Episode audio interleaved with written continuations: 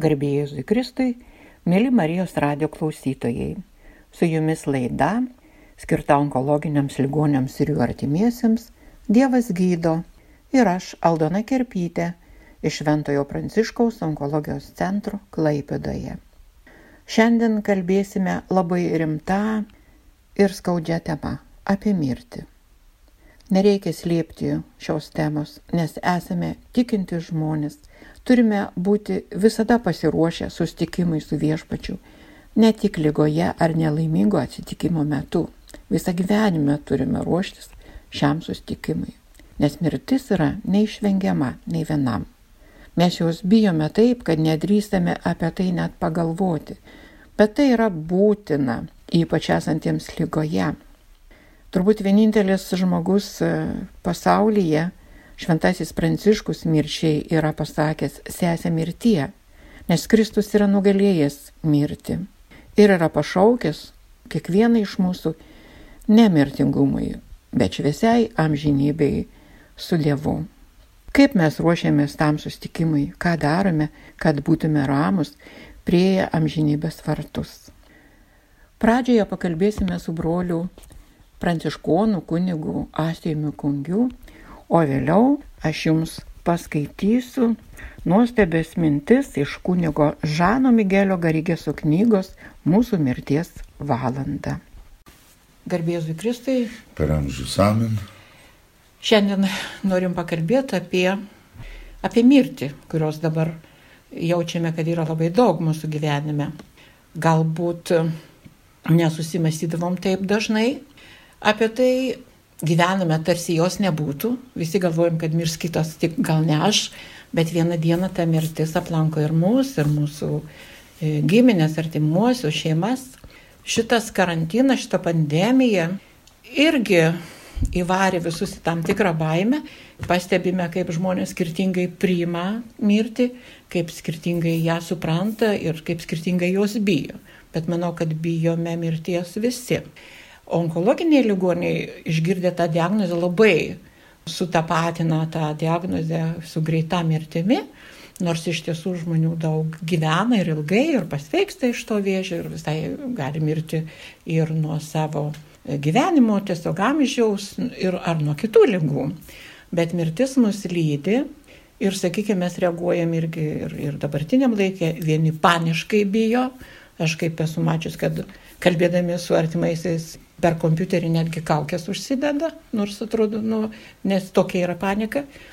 Kiti vaizduoja, kad nieko nėra, kad nėra nei viruso, visiškas ignoravimas vyksta arba toks kylanti drąsa iš savęs, bet po tą drąsą slepiasi iš tikrųjų ir baimė mirti, ir baimė gyventi tomis aplinkybėmis. O tai yra žmonių, kurie, pavyzdžiui, ramiai gyvena tose pačiose sąlygose, tose pačiose situacijose, ar pandemijoje, arba netgi ir susirgę vėšiu. Tiesiog ramiai priima viską. Nu va, ir sunkiausia yra tiems, kurie bijo mirties ir nežino, ką daryti su tą baime. Ir kaip mums reikėtų pažvelgti tą mirtį krikščionims, kad išgirdę diagnozę, nu, nebūtumėm nugalėti tos baimės, nes mumis baimė paralyžiuoja ir trukdo sveikti. Nu tai čia būties klausimas, čia iš tikrųjų yra labai svarbu, čia ne tai lys ar nelys, ar uraganas Taip. ateis ar neteis, čia iš tikrųjų yra susijęta su mano gyvenimu, bet yra labai tinkamas laikotarpis, tai yra Velykinis laikotarpis.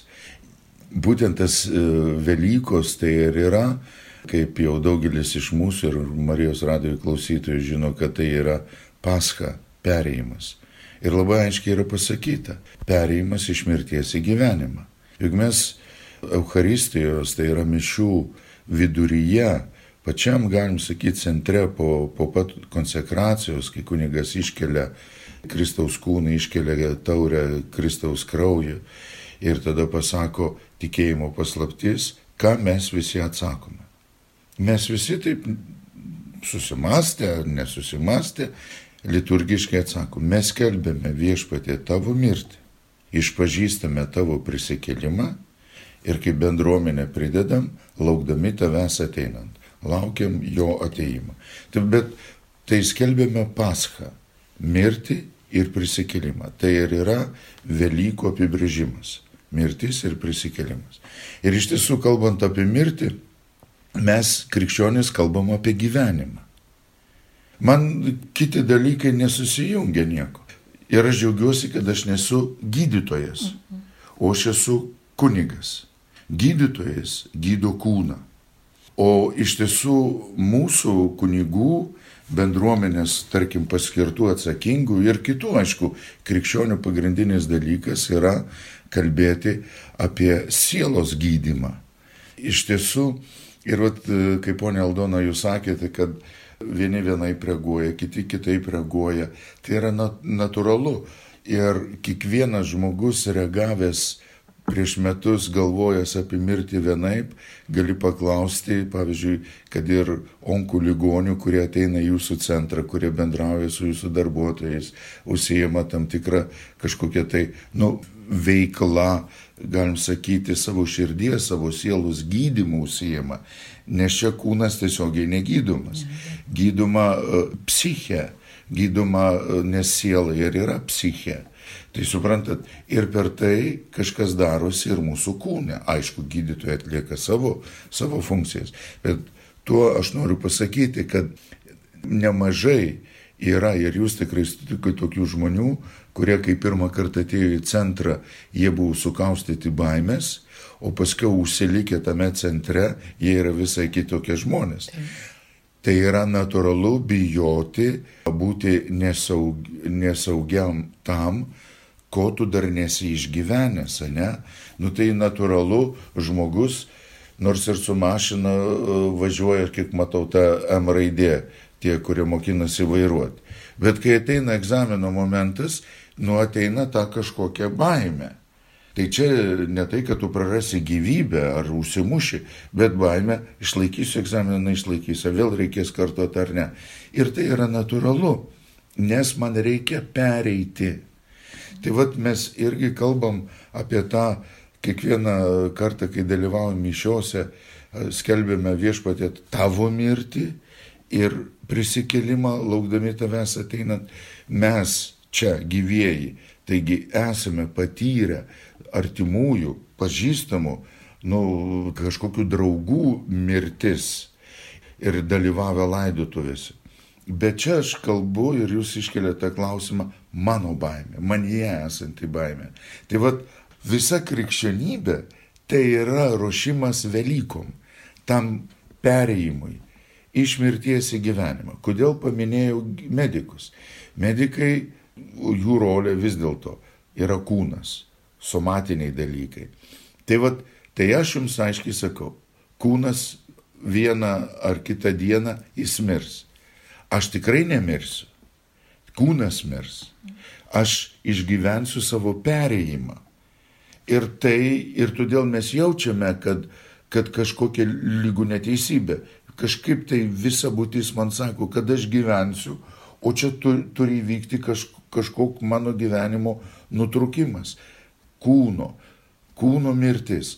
Todėl mums yra labai svarbu, mes netgi katalikai, kai sakom, nu ką, krikščionis, tradicinis bendruomenės, mes išpažįstam tikėjimų išpažinimą ir žiūrėkit, ką mes sakom. Ne vien tikiu, kad trečią dieną Jėzus kėlėsi iš numirusių, bet mes aiškiai pabrėžiam, tikiu kūnų iš mirties prisikelimą. Tai yra mūsų vat, ateitis. Ir tai yra labai svarbu suprasti, kad visas tas procesas numesti liaudiškai medžiui numesti lapus, kad paskiau pavasarį vėl prasidėtų viskas iš pumpurų. Tai va čia lygiai taip pat mes turėsim numesti tą kūną. Mes turėsim supūti, sudegti baisiai išneku, atrodo. Bet tam, kad mes, kad Dievas prikeltų mus naujais kūnais ir mes toliau testumėm gyvenimą, bet jau perėję į jo karalystę. Todėl mirtis, kaip apaštalas sako, man mirtis tai gyvenimas. Mažylėliai, aš jums irgi tie, kurie klausotės, irgi sakau, manęs kai klausia, jau čia kurį laiką, taip aš tikrai gal kokių pusantrų metų, taip kažkaip tai gal, vis galvoju tą vieną temą ir klausia, kaip gyveni. Aš sakau, aš rušiuosi savo paskai, savo pas, paskvai, reiškia perėjimui. Nu ir žmonėm taip keista atrodo, O kas čia turi būti keisto? Aš jau senelis, man jau artėjau prie 60 metų, aš ruošiuosi paskai ir tai yra natūralu. Ir šiandieną, kaip specialiai, neprisimenu, kokia situacija buvo, kažkas ten linkėjimus davė, sveikinimus davė. Ir aš į tokį mintis man atėjo. Sakau, o aš norėčiau jums palinkėti, bet čia mintysė pasakiau, norėčiau jums palinkėti amžinojo gyvenimo ir gyvenimo jo karalystėje, dangiškojo tėvo namuose. Ir po to pats susimašiau. Dabar jeigu aš tą žmogui pasakyčiau, o čia žmogui atėjus, aš tau sveikina gimtadienio progą, mes linkime tau meilės, mes linkime tau sveikatos, kits pridės ir pinigų, ir viską. Ir aš tada atsistočiau ir sakyčiau, o aš tau linkiu amžinojo gyvenimo. Man atrodo tai teisinga, nes aš trokštų ir visas mano, tarkim, esu Dievo pašauktas tam, kad liudyčiau amžino gyvenimo realybę ir mes tai kalbam, tėtinė tavo karalystė, tiesia tavo valia. Kalbam sveika Marija, dabar ir mirties valanda. Suprantate, bažnyčia viską koncentruoja į tą paską, į tą perėjimą. Tai aš tau linkiu amžinojo gyvenimo. Ir dabar tas žmogus supyktų ar ne. Ir aš galvoju, iš tos reakcijos galbūt nusišypsotų kai kas ir pagalvojęs sakytų ačiū. Jeigu suprastų. Jeigu suprastų. Bet jeigu tu netiki, todėl Jėzus ir sako, kas tiki mane, tas turės gyvenimą. Kas netiki, jau šiandien yra miręs. Suprantat, kaip yra labai svarbu. Vat judėti į tą maldą, eiti į savo širdį, pradėti tenai kalbėtis. Ir baimės, jos yra natūralios, bet fobijos, kurios yra prailginta baime, ne, jau, kaip sakant, kaip čia pasakus, užsi, užsilaikyta baime savyje. Tai aš galiu įsigasti, žinai, tarkim, pelė prabėgo, rr, pr, pr, aš, ai! Bet žinai, O, sakau, pelė prabėga, fu, atsipučiu. Bet jeigu pamačiau tą pelę, pradėjau šukinėti, rėkti, draskyti, nei tos pelės nėra, aš klikiu, klikiu, tai reiškia, aš turiu fobiją, su manim kažkas yra negerai. Tai vad lygiai ir su to kūno mirtimi.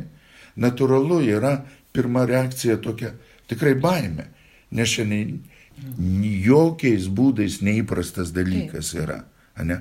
Bet jeigu aš galvodamas apie tai, net randu vilties, perėjime, būtent tame tikėjime, kad aš iš tikrųjų įžengiu į gyvenimą, viskas, nu tai ką, jeigu jums, vad klausant tai, ir jeigu aš jums dabar sakau, linkiu jums amžinojo gyvenimo, tai yra pats mano dabar stipriausias linkėjimas ir turinį turintis linkėjimas.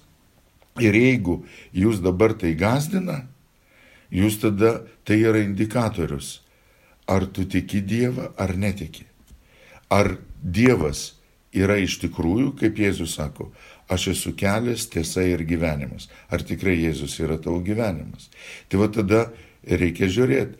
Ir krikščionių bendruomeniai tai lengva kalbėti. Arba mes patys tengiamės, gilinamės, permastom, o jeigu tu netiki, viskas. Tik aš tau galiu pasakyti, nebijok, aš tada sakau, bijok taip ir įvyks. Mhm. Tai vad matot, kaip yra, ir čia nėra mūsų kažkokia privilegija, bet ir privilegija. Vis dėlto amžinojo gyvenimo viltis. Tai vad, pumpurėliai, aš jūs sveikinu ir tikrai teisybės dėlį reikia pasakyti, kad žmonės Lietuvoje, mes žinome, žudėsi kai nebuvo pandemijos, buvom viena iš pirmųjų ES kraštų savižudybei, vieni iš pirmųjų buvome ir tose narkomanijose, reiškia, nelaimingi gyvenime ir taip toliau dar nebuvo jokios pandemijos. Tai va čia visa tai skaičiai tikrai nieko nedidėja, nedidėja, bet o ta sukurta aplinkos baime ir aš pasakysiu, jūs turite suprasti, kai skaitote šventą raštą, jūs skaitote gerąją naujieną. Kai žiūrite per ilgai į visas tos saitus, ar ten per radiją, ar internetu, vien tik tai apie tas pandemijas, tai jūs žiūrite, jeigu ilgai užsibūnate, tai ta naujiena tampa jums bloga naujiena. Ir vis dėlto aš džiaugiuosi, pagalvokit, kokie jūs esat stiprus. Kiekvieną dieną, bet kokia žinių agentūra, ar tai būtų, pavyzdžiui, panorama, ar tai kažkokios kitos televizijos, jos 10-15 minučių žinių skiria, jūs pasigalvokit prieš du metus, jeigu taip kalbėtų apie lygą. Kiekvieną vakarą tau žinių informacijos priemonės kalba, kiek užsikrėtė, kaip blogai, pakeisim, nepakeisim ten tos režimus, ten dar kažką, o čia tas trečias dar skiepas bus, ten nukelsim tų skiepus Pfizer, ten dar kažką.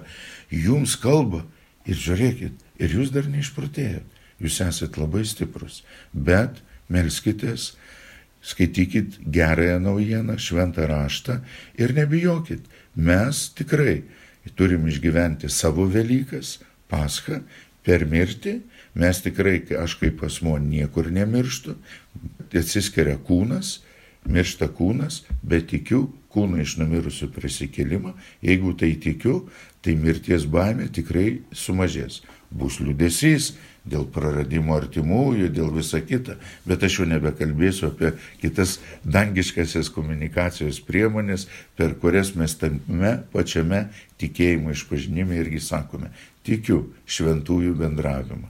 O šventųjų bendravime ne vien tie, kurie yra savo revolim, šventųjų bendravimas yra mamytė atsisveikinusi su savo vaiku, jie uždega žvakelę, jį pasako amžiną atilsi ir vyksta tas bendravimas. Mes niekur nedingstame, visi esame Dievuje, tik tai išgyvenam kūno iš numirusių prisikėlimo laukimą. Ir viskas. Taigi, linkiu Jums amžinojo gyvenimo, kad visi draugė susitikę toliau tęstume gyvenimą tėvo namuose. Ir kaip brolis Pranciškus šventasis, galėtumėm pasakyti, sesė mirtie. Jo įaukti amžinybę. Būtent. Taigi mes krikščionys turim viltį ir tikrai pasakyčiau, vilties bendruomenė, vilties piligrimai perdeda jums šią žinę tikrai ne, ne vien tik tai formą, bet ir turinį. Tie, pasikartosiu, kurie atėjo pirmą kartą į centrą, tikrai atrado viltį, o kai tu atrandi viltį, atrandi gyvenimą. Kai atrandi gyvenimą, mirties baime nebe tokia juoda. Dabar kviečiu pasiklausyti labai prasmingų minčių iš kunigo Žano Migelio Garigėso knygos Mūsų mirties valanda. Kunigas ilgai dirbo kapelionų ligoninėje su onkologinėmis lygomis sergančiaisiais. Onkologijos centre, kuriame, kaip minėjau, kapelionavau, didžiuma mano lankomų žmonių nepraktikavo tikėjimo, kai kurie net buvo netikintis. Tačiau jie noriai susitikdavo su manimi, nes tai jiems teikia galimybę pasikalbėti su žmogumi, kuris nepriklauso nei medikų komandai, nei šeimai. Su kapelionu jie galėdavo kalbėtis atvirai. Būdamas nemedikas, kapelionas nežinodavo jų tikslios klinikinės būklės. Bet jis ir ne šeimos narys, kuris meluoja, kuriam dažnai meluojama ir kuriam kartais taip pat meluoja medikai būna neišpainiojamų melo situacijų. Pasak vieno ligonio, mano šeima man meluoja, kad nesikankinčiau, o aš jai meluoju, kad ji nekentėtų. Su kapelionu jie galėdavo pasikalbėti konfidencialiai tikintieji ir netikintieji. Tų ligonių kelyje mane labai stulbindavo tai, kad juose, net netikinčiuose, veikia malonė. Tiesa, netikintieji negalėdavo to įvardyti kaip malonės, tačiau mačiau, kaip jie savaitėmis ir mėnesiais keitėsi, rengdamiesi, nors to ir nežinodami, meilės karalystai. Ir tai darė pirmiausia, įžengdami į atleidimo slėpinį. Atvykdavo maištaudami prieš savo dalę, prieš Dievą, subirėjus jų gyvenimo planams, vieni labai jauni, kiti pačiame gyvenimo gražume, treti pagyvenę, tačiau ne vienas nepasirengęs susitaikyti su santykinai priartėjusios mirties perspektyva. Elgdavosi itin agresyviai, kartais net smurtaudavo, išeidinėdavo slaugos personalą, skūsdavosi, kad yra blogai prižiūrimi, kad jiems nemalonu, kai duriama. Paskui slenkant savaitėms ir mėnesiams, su pertraukiais, nes dažnai ateidavau dėl chemoterapijos, matydavau, kaip jie auga atleidimo dvasia. Savo kambarių vienumoje, kambariai visada būdavo vienviečiai, ligoninėje dažnai laikomi prabanga, tačiau žmogus juose gali pasijusti labai vienišas, peržvelgdavo visą savo gyvenimą. Tad visi ir tikintieji, ir netikintieji atlikdavo tikras rekolekcijas.